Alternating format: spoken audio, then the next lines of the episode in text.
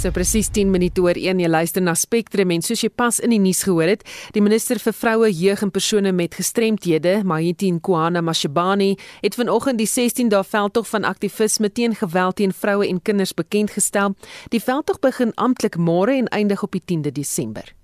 The theme for this year's campaign is women's economic justice for a non-violent and non-sexist South Africa.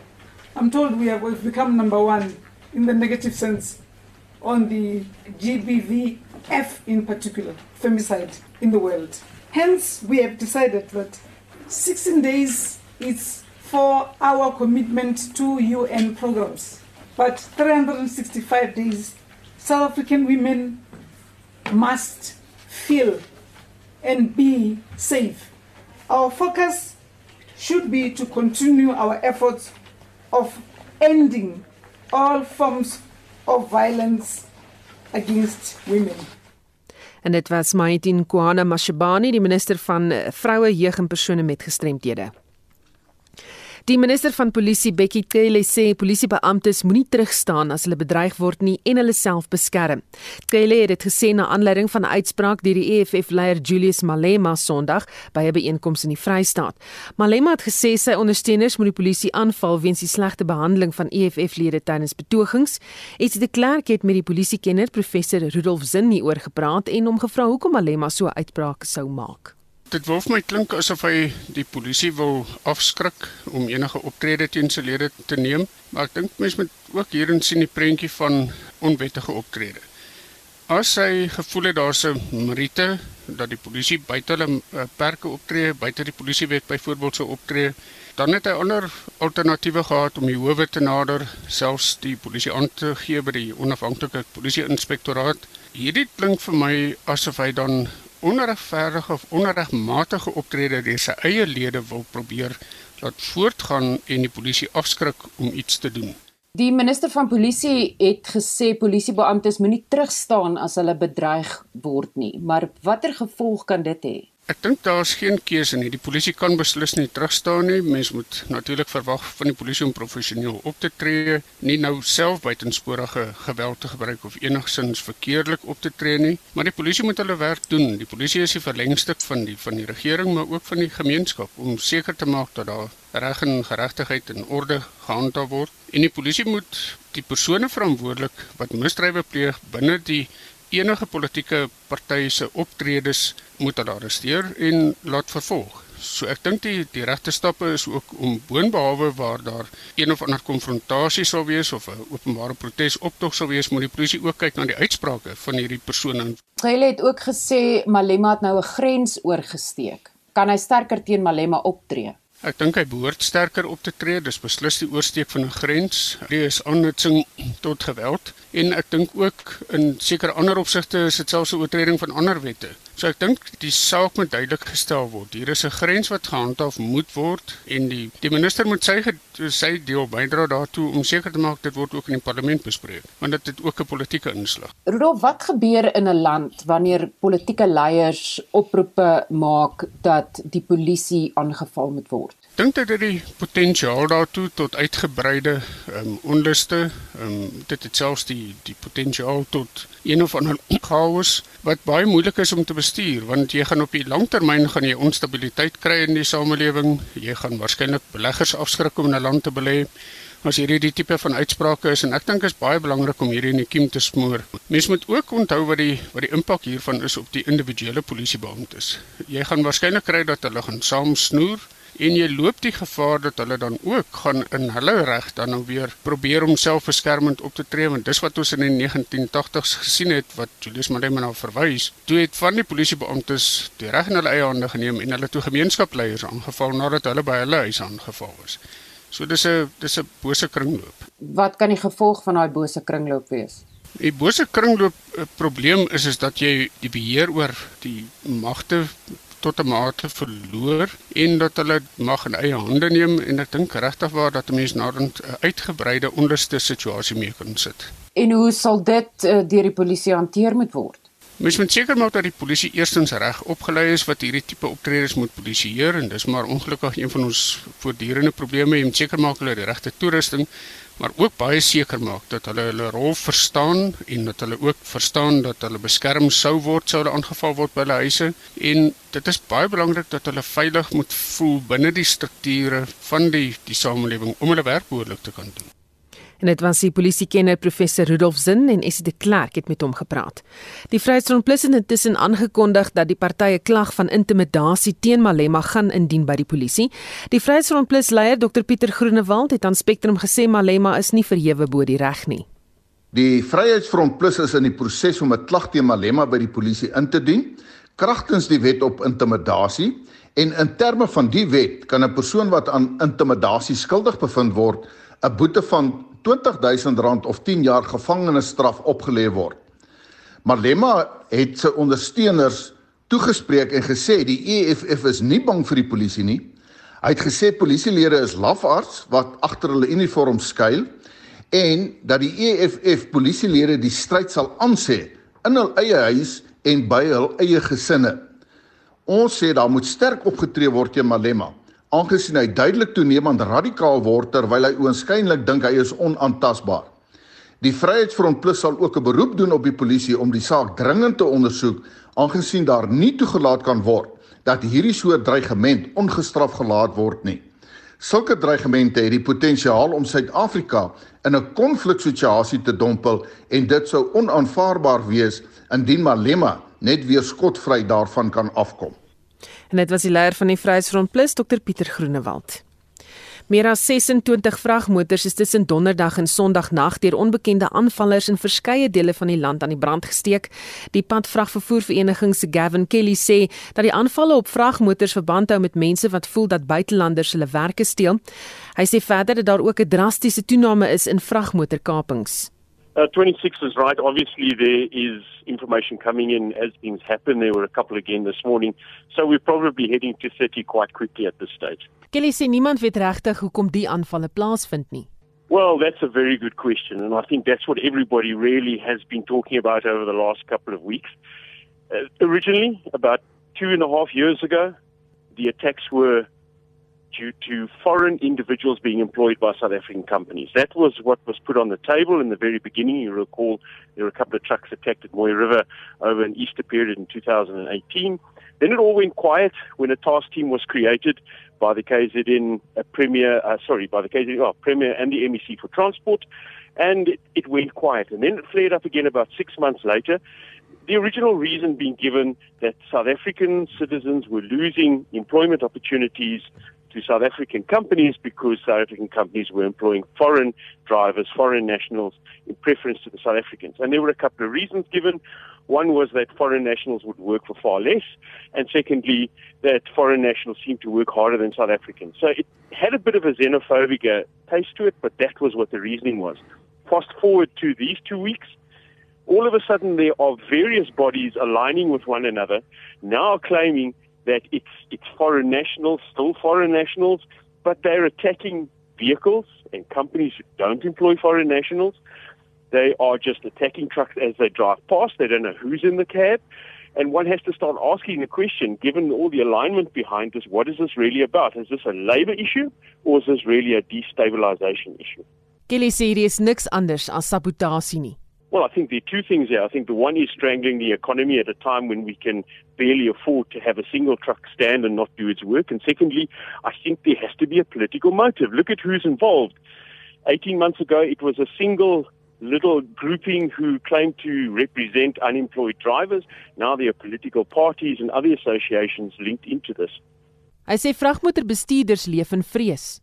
Exactly. We've had a couple of calls asking us, are we going to arm the drivers? Are we going to put, as they used to have in the good old days of the Wild West, a shotgun in there with them? You can't do that. The first problem is, of course, as soon as you arm truckers or you put somebody in there who's going to retaliate in a violent sort of way, the violence just escalates. Secondly, it isn't as if the trucks are stopped systematically and then drivers are pulled out. These trucks are attacked while they're driving, as you've stated. We've had cases of where rocks are thrown at them shots are fired at trucks as they drive past. indiscriminate pushing of trucks off the road, and you think, how can a car push a truck off the road? But they do it because obviously the driver wants to avoid the incident. So it's very, very difficult. We can have convoys, can have security on, on the routes patrolling, but obviously the South African police services needs to play that role. Kelly sê dit wil voorkom of die geweld versprei na die res van die land toe ook. Yeah, it seems to be, you're quite correct, that originally it was targeted in KZN, and there was a fair amount of theory around why that was happening. The talk on the street was that a fair amount of the operators who employed foreign drivers used that route. Obviously, the foreign drivers driving up and down the N3 all the way through to the north and back down to the port. So there was that sort of rationale. Secondly, there was a rationale that many of the operators were actually based in KZN. And there were sporadic attacks in Gauteng and the Western Cape, if you recall, but again, it was targeted at trucks of operating companies that seemed to be the brunt of the attack. Now, they're using this route, perhaps because it is a route used by those operators. It could be still on the N3 bypass route that they're, they're attacking. One is not sure exactly why they've chosen that route, that route specifically. Kelly sê die bedryf het reeds baie gedoen om die klagtes dat buitelanders Suid-Afrikaners se werke steel op te los. Hy sê dit is leerstellend dat die polisie nie agter die kap van die byl kan kom nie. Well, the immediate answer is no, they're not doing what they should be doing, hence our, our open letter to the president. In the first instance, we are, are really, really concerned that the police seem to no longer have the capacity of intelligence gathering, where you would be able to on the ground get information that these sort of activities were going to happen and you could take preventive measures. That you could deal with the, the perpetrators, the instigators of violence. There is a lot of stuff going out on social media where violence is being instigated. That doesn't seem to be happening. Then when the actual events are happening, we don't see forceful, directed involvement of the SAPs. Whether they are scared to do that, whether they don't have the manpower is irrelevant. They are not they are not getting involved. They stand and watch what's happening. And then at the end of the day, there aren't the arrests, there aren't the follow-up prosecutions, there isn't the the punishment being meted out by the courts for those who wantonly burn, pillage, loot, you know, trucks and, and hurt drivers. Just not happening. Dit was die president van die padvragvervoer vereniging Gavin Kelly. Die vragmotorbestuurdersvereniging se president Mary Pardy sê die minister van vervoer moet dringend ingryp in die situasie. You know the issue here goes back to the the employment of, of foreign drivers. At the moment we have uh, spoken to the ATDF and they've distanced themselves from the you know attacks but we, we, we definitely know that you know it's all, it's all behind the employment of foreign drivers. And what we are saying as the association is that the Minister of Transport must get involved. And they must not talk to one association and not engage all of us. Because at the end of the day, we'll definitely have such situation whereby nobody takes responsibility. Party sê hulle glo nie dat daar enige ander rede is vir die aanvalle op vragmotors as die indiensneming van buitelanders nie. What is something else? Because something else would be a criminal uh, element in it. And at the moment, if there is a criminal element, I just saw it here on the news on ENCA, you know, that the MEC of KwaZulu Natal is meeting the truck drivers. So there's nothing else. It's about employment of the foreign drivers. Party sê hulle is ook nie seker wie agter die aanvalle sit nie. We are not quite sure about that, but all what we know is that this incident, like uh, Kevin has already said, it has happened before and uh, in 2018 and they they RSA and then the committee that was formed at the time they had a meeting they spoke about this thing and you know we don't know how it ended up but the point is if we resolve these things around the table as early as possible we shouldn't be sitting with this situation now. We should be knowing that you know what is the cause and what has happened who is behind all these things. And but if i still believe that as soon as we, we fairly resolve this thing because each and every person is is somewhere else doing their own businesses and nobody's administrating the freight industry. En dit was die vragmotorbestuurdersvereniging se president Mary Pardy. Die Umkhonto weSizwe Militêre Veterane Vereniging in die eThekwini Metro in Durban in KwaZulu-Natal het op 'n plundertog gegaan en buitelanders uit hulle winkels geskop. Die veterane sê hulle ondersteun vragmotorbestuurders wat te velde getrek het teen die aanstelling van buitelanders in die vragvervoerbedryf. Die veterane het ook aangevoer dat hulle beplan om nog besighede in die gebied wat deur buitelanders bedryf word, se deure te sluit. Die voorsitter van die veterane in KwaZulu-Natal, Sibusi Kelly sê alle probleme in Suid-Afrika kan voor die deur van buitelanders gelê word. Die ANC in KwaZulu-Natal het intussen die optrede deur die MK veterane veroordeel. Die woordvoerder van die ANC in KwaZulu-Natal, Nhlakapanipo Ntombeni sê die polisie moet baie streng optree teen die MK veterane wat die wet oortree. As the ANC will say the time and again that what they are doing is wrong, what they are doing is illegal. We have called on the law enforcement agencies to play their role and we have constantly maintained that position as the ANC. Ntombeni ontken ook dat die groepering wat by die aanvalle betrokke is, deel is van die amptelike strukture in die provinsie. As the ANC, we have always maintained, we have had engagement, I'm sure you will recall, with the comrades from MK when they had grievances about their issues of their social welfare and well-being. And we were attending to those matters as government. We made it clear to them that we must clearly distinguish what are the issues affecting MK and societal issues. As we'll recall at some point, they brought in truck drivers as part of the grouping when they met with the ANC. They started raising a number of issues about a number of foreigners in the country, a number of unemployed graduates in the country. We said, no, but let us be clear that when you engage the ANC, you engage the ANC on the issues of the social well-being and what is the ANC doing about that. Other issues, there are other government programs dealing with those matters. Dit was die woordvoerder van die ANC in KwaZulu-Natal, Nhlaka Nipun Tombeni. Vakbonde onderhandel steeds met die SAIK oor die afleggingsproses by die uitsaaier, dit nadat die proses vir 'n tydperk van 7 dae gestop is. Ons praat nou met die president van Bemau, Hannes Dubison. Goeiemôre Hannes. Goeiemôre. Jy het nou vinnig daar uitgeloop want jy is steeds besig, maar daar's 'n nuwe voorstel op die tafel. Wat behels dit? Ja, daar is uh lyk vir my oornag met die raad gaan praat en ons het gister 'n voorstel gemaak dat byvoorbeeld as daar enigsins 'n um, opskorting van daardie proses moet wees dan is die 7 dae glad nie voldoende nie. So daar's vanoggend voorstelle gemaak dit is eintlik aan ons aangebied as 'n raadsbesluit dat daar 'n voorstel is dat dit nou vir 30 dae uitgestel word ehm um, en dat daar dan 'n onafhanklike arbeidskundige mediator aangestel word om uh, ons te help met die proses. Die SAIK het onderneem om behoorlik um, en deursigtig oor die strukture te konsulteer en dan daardie um, insette wat hulle kry uh, ernstig te oorweeg.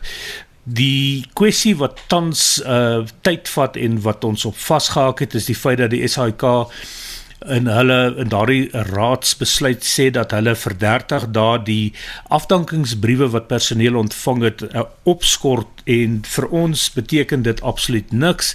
Um, ons daar is uh, by aan aan ons kant dring ons daarop aan dat die SAIK daardie briewe terugtrek en dan um, in goeie trou met ons konsulteer en onderhandel rondom nie net die strukture nie en die rasionaal nie maar ook dan oorskeidingspakkette en die seleksiekriteria. So ons het tans vasgehaak op daardie uh, spesifieke punt en die um, uitvoer uitvoerende bestuur wat in daardie vergadering is, is terug na die raad toe om 'n mandaat te gaan soek sodat daardie briewe teruggetrek kan word. Uh, ons het natuurlik vir die SAK gesê dat daar geen nadeel vir hulle is nie, dat hulle dan uh, nog steeds die reg het om daardie briewe uitreik sou dit nodig wees.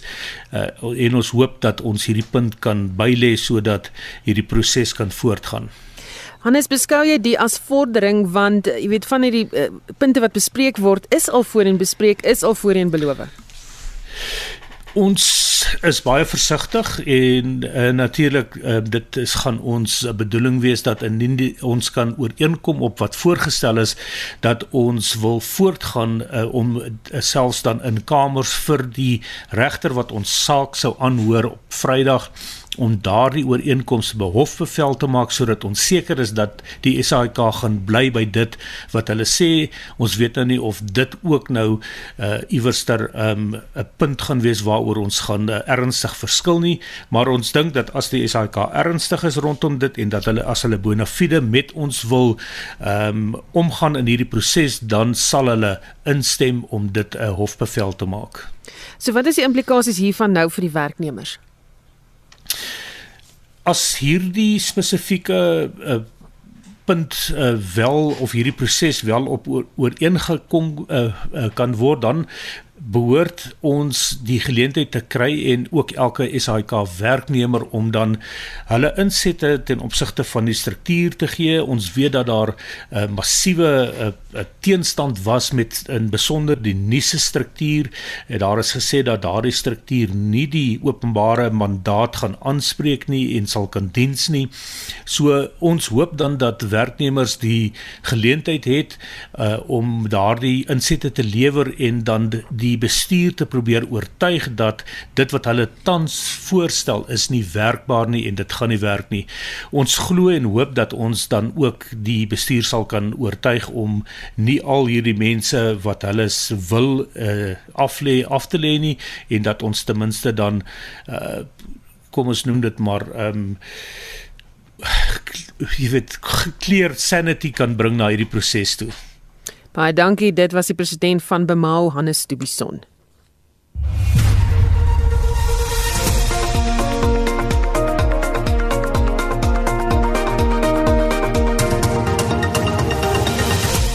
En die nuus vakbonde onderhandel steeds met die SAIK oor die beplande afleggings. Jy kan nou kommentaar lewer op die regering se planne om krag op te wek deur middel van kernkrag. En 'n skool in die Oos-Kaap wat deur COVID-19 getref is, moes noodgedwonge toelaat dat leerders hulle eksamens by die huis aflê. Bly ingeskakel.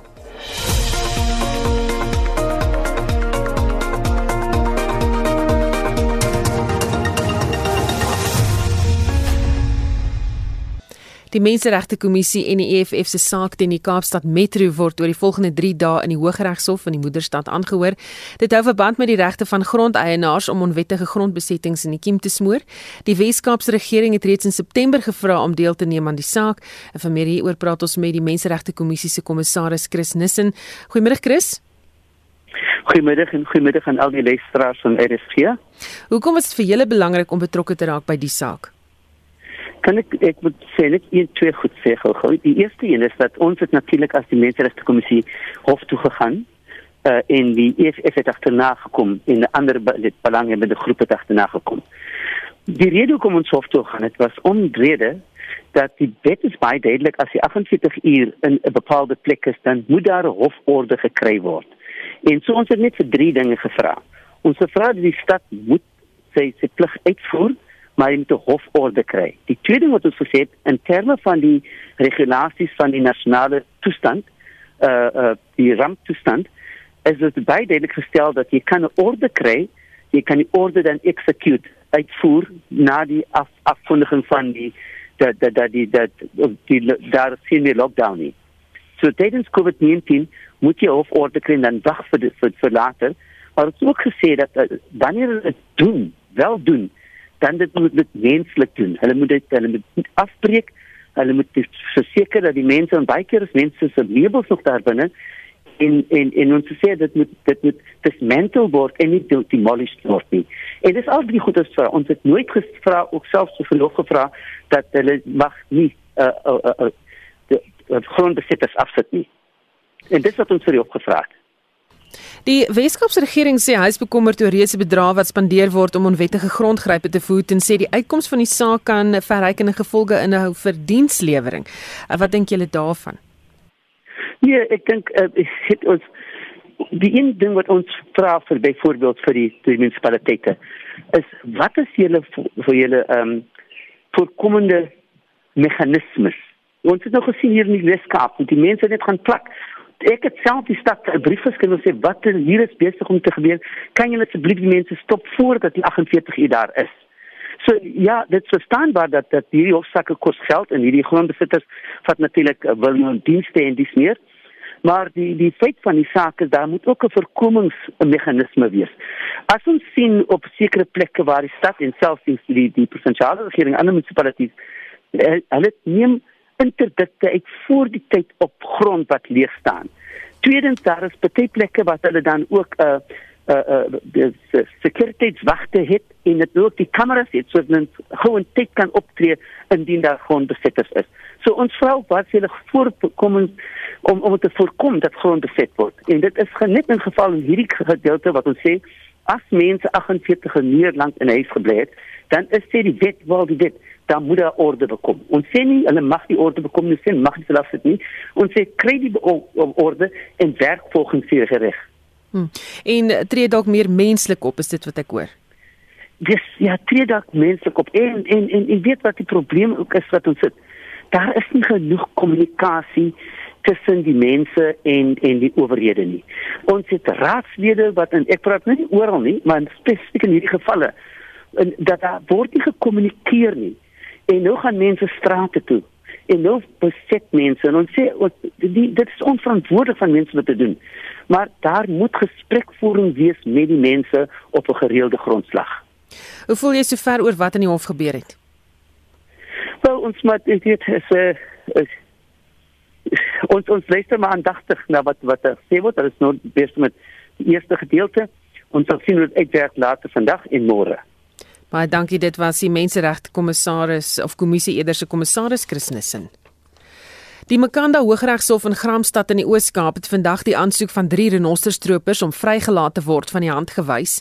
Jabulani Ndlovu, Forget Ndlovu en Sibusiso Ndlovu is vlede jaar elk 25 jaar tronkstraf opgelê.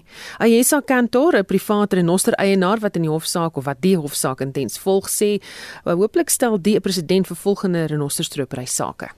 Yes, this case was actually tried. The the three in Globers, not related, but funnily enough with the same surname, they all got a sentence of 25 years for poaching rhinos. They are linked to more than 100 rhino poachings in South Africa, although they were found guilty of only rhinos poached in the Eastern Cape province. So there's still more to go. These guys' modus operandi was to dart rhinos with um, a sedative, which would render them immobile, but they could still hear, feel, see everything going on. And then they would hack their horns out of their faces, sometimes even using chainsaws while they're alive. So it's the most brutal, brutal poachings of this country are attributed to these guys. Now they've gone to the Supreme Court of Appeals to um, have their sentence reduced.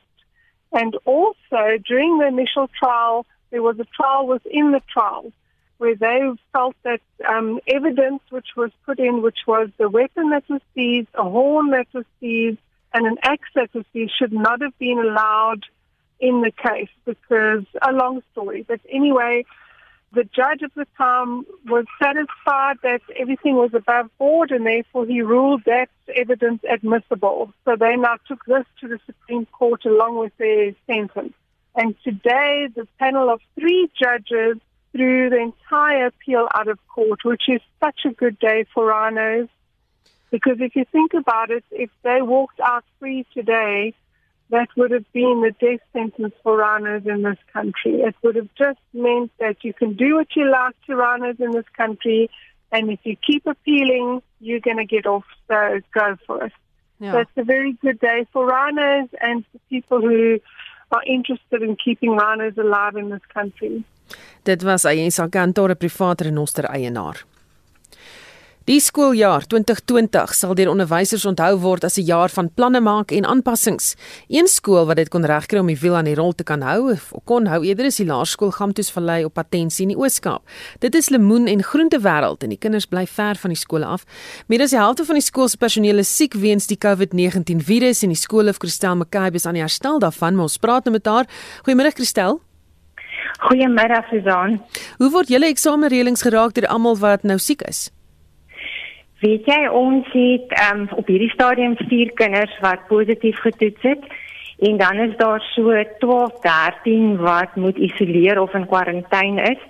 Ehm um, en wat ons nou besluit het is ons gaan ehm um, hierdie leerders se vraestelle vir hulle aflewer by die huis en dit ons nou met hierdie nuutskepping gekom van ehm um, Uber vraestelle. So in die oggende kom ehm um, die mammas en die mense wat vir ons vraestelle ry en dan Uber hulle nou hierdie vraestelle na die kinders se huise toe. Kinders skryf dit en dan ehm um, word dit weer na 2 ure opgelaai en ons ehm um, ontvang dit dan by die skool en die res van die kinders skryf hier in klaskamers. Ons het hulle verdeel dat hulle in kleiner groepies is en dat hulle maskers dra en ehm um, die sanitering word baie goed gedoen. So dit is hoe ons dit hanteer op hierdie stadium. Moet sê nie die tipe Uber wat ek graag sal wil bestel nie, ek sal men vra stel. ja, okay. Hoe ervaar die kinders dit? Weet jy, ehm um, baie positief. Ehm um, vanoggend het enetjie in graad 7 vir my 'n WhatsApp gesien en sê juffrou, my vraestel het nog nie gekom nie en ehm um, toe moet ek nou die Uber oom bel en sê waar is die meisie vraestel? Sy sê ek het dit nie hek gesit, sy net kom kyk, hy's daar. Ehm um, so hulle kommunikeer gemaklik met ons en ehm um, vra sê wanneer kom al ons die vraestelle en hulle ek dink hulle hulle voel gerus, hulle is gemaklik. Ehm um, ons probeer om absoluut alle spanning te verlig op die kinders en die ouers en dat alles so glad as moontlik kan verloop. Maar hoe keer julle dat iemand nou nie iewers afloer nie? ons vleise kinders is ons loer die af. nee, weet jy ek ek ek spoed hier ons ons maak staat op die ouers se ondersteuning en ehm um, die kinders ook ehm um, ek is hulle hulle is so dankbaar vir uh, hierdie stelsel wat ons in plek het dat ek weet hulle gaan ons nie teleurstel nie. Vroeger in die jaar moes julle ook 'n haas uit die hoed trek ter is die Grendel ja. tydperk hoe het julle gemaak? Hm. Wie jy sê dan het ons weer met 'n uitdaging gesit van hoe om die werk by die kinders te kry. Ehm um, dit was nogal 'n probleem geweest en ehm um, het ons onderwysers bymekaar gekom en besluit nou maar goed, mammas en pappas moet brood en melk kry. So kom ons laai twee weekliks vir hulle hulle werk af by verskillende padstalle, by padlangs, by ehm um, Hankie is daar 'n winkel waar ons dit afgelaai het, 'n potensie winkel en ehm um, dan is dit so versprei, so as die ouers gaan brood en melk koop, het hulle nou hulle kinders se pakkies daar gaan afhaal tot 'n so mate dat van die mense wat ehm um, kom koop dit in die winkel gesê maar kan hulle nie van die skool se pakkies koop vir hulle kinders nie. Ehm um, maar ons het regtig ons bes probeer om die kommunikasiekanale oop te hou en ehm um, selfs onderwysers het um, met kinders kommunikeer via WhatsApp wat werk nie verstaan nie en ehm um, ons bes probeer om ehm um, so die kontakte bou en die akademie laat voortgaan. Weet jy nou net waar daar 'n wil is, is daar 'n weg. Baie dankie. Dit was Christel McCabe, die skoolhoof van Laerskool Gamtoes Vallei op Patensie in die Oos-Kaap. Die nasionale energiereguleerder van Suid-Afrika het mense gevra om kommentaar te lewer op die regering se planne om sowat 2500 megawatt krag op te wek deur middel van kernkrag. Kuiberg voorsien tans 1940 megawatt aan die nasionale netwerk. Die waarnemende hoof van energieregulering by Nersa, Dennis Simela, sê die dokument wat in die staatskoerant gepubliseer is, beskryf baie duidelik wat die regering se planne is in die verband. What we did, let's start at the beginning, okay. The, the minister has actually issued a determination to say that, you know, we should concur with uh, 2,500 megawatts, okay. And that's in terms of uh, Section 34 1 of the Electricity Regulation Act. So what we are actually asking, we're actually requesting stakeholders to comment on the consultation paper that we've issued. So we're expecting, like, you know, uh, stakeholders to actually provide written comments as well as oral comments that will take place at the public hearing. Simela sê hierdie is 'n baie langtermynplan van die regering. But then if you see in the integrated resource plan, okay, nuclear is not there in the plan. However, it's being included in terms of decision 8 of the of the RP that was gazetted on 18 October 2019. What decision 8 says, it says that, you know, commence the preparation for nuclear build program to the extent of 2,500 megawatts at a pace and scale that the country can afford because it's no regret option in the long run. I, I need to explain what the meaning of no regret option. The no regret option, it means that, you know, within the climate change, you know, uh, literature, no regret option is a response to climate change that delivers the net economic benefit and represents a low risk and an attractive strategy for the government and the, and the public at large. Dit was die waarnemende hoof van eh, die energiereguleerder Nersa Dennis Simela. Die Kangnas windkragaanleg by te Springbok het pas met kommersiële bedrywighede begin. Dit is een van 4 windplase in die Noord-Kaap wat deel is van die regering se projek om hernubare krag op te wek en aan te koop. Die projekbestuurder, Mani Kotse, sê die aanleg sal krag aan meer as 150 000 huishoudings voorsien. Kangnas windplaas in die Noord-Kaap naby die dorp Springbok het amptelik in bedryf gegaan. Dit is die eerste in hierdie provinsie wat deel uitmaak van die regering se tender rondte 4 vir onafhanklike kragvoorsieners van hernubare energie. En Mani, jy praat van 'n gemiddeld van meer as 150 000 huishoudings wat uit hierdie projek uit gaan baat. Kangas windplaas sal voorsien in die energiebehoeftes van ongeveer 154 000 gemiddelde huishoudings en sal gemeenskappe van Nababe, Springbok, Concordia, Maatjieskloof, Bergsig, Oukiep en Carolusberg bevoordeel in 'n reeks van ekonomiese ontwikkelingsprogramme wat sal fokus op opleiding, gesondheid en klein besigheidsontwikkeling. En hoe gaan julle verder die gemeenskap bemagtig? Kangas Windplaas is gebou deur 'n trotse Suid-Afrikaanse span wat grootliks afkomstig was van die plaaslike Namakwa munisipale area en sal voortgaan om die gemeenskap te ondersteun deur sy 20 jaar bedryfsperiode. En dit was Mani Kotse die Kangnas windkragaanleg in die Noord-Kaapse projekbestuurder en hy het met Vincent Mofokeng gepraat. Ons beweeg na die sportveld met Shaun Jooste. Ons begin met cricketnuus. Dit is dag 2 van die plaaslike 4-dagreeks se derde ronde en in etenstyd was die Dolphins op 383 vir 7 in hulle eerste beurt teen die Cobras. Die Titans is vanoggend vir 320 in hulle eerste beurt teen die Warriors en die Knights vir 300 in hulle eerste beurt teen die Lions uitgehaal. Sokker. Vanaand in die DStv Premier Liga speel Marokko Swallows half 8 teen Kaizer Chiefs. En in die vierde ronde van die Kampioenliga kom Paris Saint-Germain teen RB Leipzig, Manchester United teen Istanbul Besiktas, Lazio teen Zenit St Petersburg, Dynamo Kiev teen Barcelona en Borussia Dortmund teen Club Brugge te staan om net 'n paar te noem. Die Britse regering het gister aangekondig dat toeskouers van volgende maand af weer by openligstadions toegelaat sal word. Daar word egter net 2 tot 4000 toeskouers by die stadions toegelaat afhangende van die sone se COVID-19 risikovlak. Die verskeie vlakke word donderdag bekend gemaak. En laastens in rugby nuus, die voormalige Springbokakker John Allen sê die Currie-Beeker reeks moet ook 5 punte toeken aan die span wat nie verantwoordelik is vir 'n gekanselleerde wedstryd nie. Die Herfsnasies beker reeks maak gebruik van die stelsel. Drie wedstryde in die plaaslike Super Rugby reeks was weens die koronavirus gekanselleer met beide spanne wat 2 punte ontvang het. Dit was Shaun Jooste met RSG Sportnuus.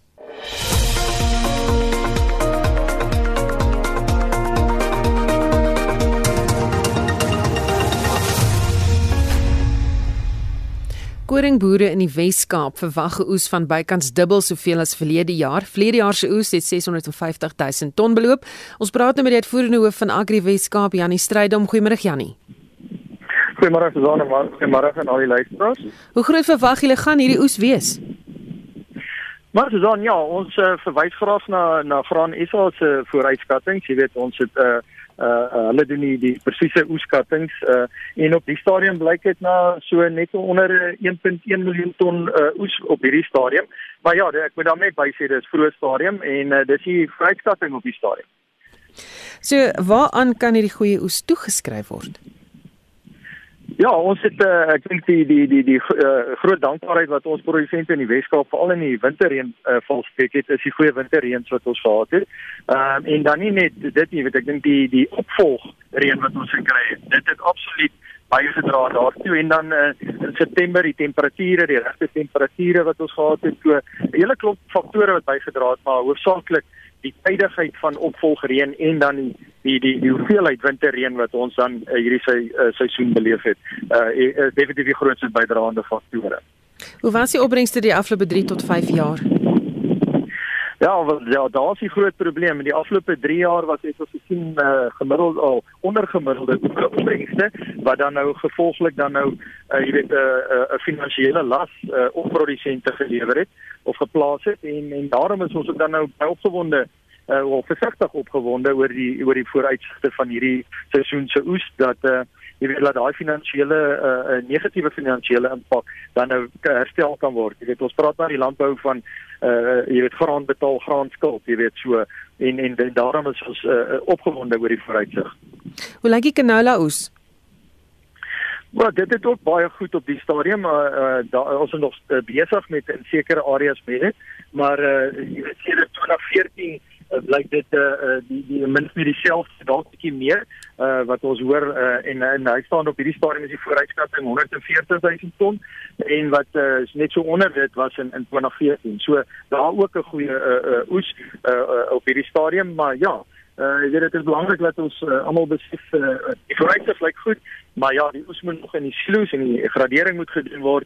Uh so daar's al baie water in die see te loop, maar ons wil regtig positief voor kan wees in die landbou om te sê jy weet ons ons verwelkom hierdie vooruitskatting en en en, en ek dink dit die die produsente sien ook uit uit daar daar net laat ons 'n gemiddelde tot 'n bo gemiddelde oes dalk mag hê hierdie seisoen.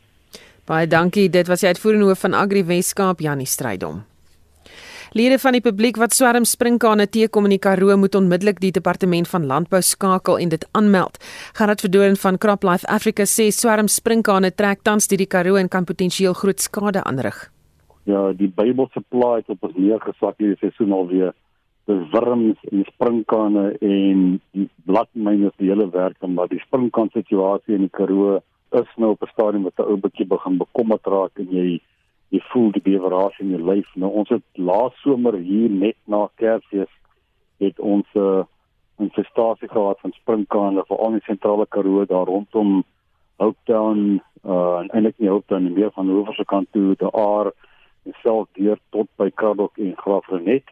Dit het 'n bietjie afgegaan dat vier selfs nog gelewe dwars deur die wintertyd en nou hierdie jaar na die Karoo goed nat gereën vir al die sentrale Karoo gedeeltes lyk my die springkane goed aan die niveau en ek kry navraag en oproepe van mense af oor die hele Karoo gebied van Beaufort af tot by Graafrenet en bo tot naby Hulptown omgewing waar daar oral springkane aan die gang is. Hulle is besig om dit te bestry, reg?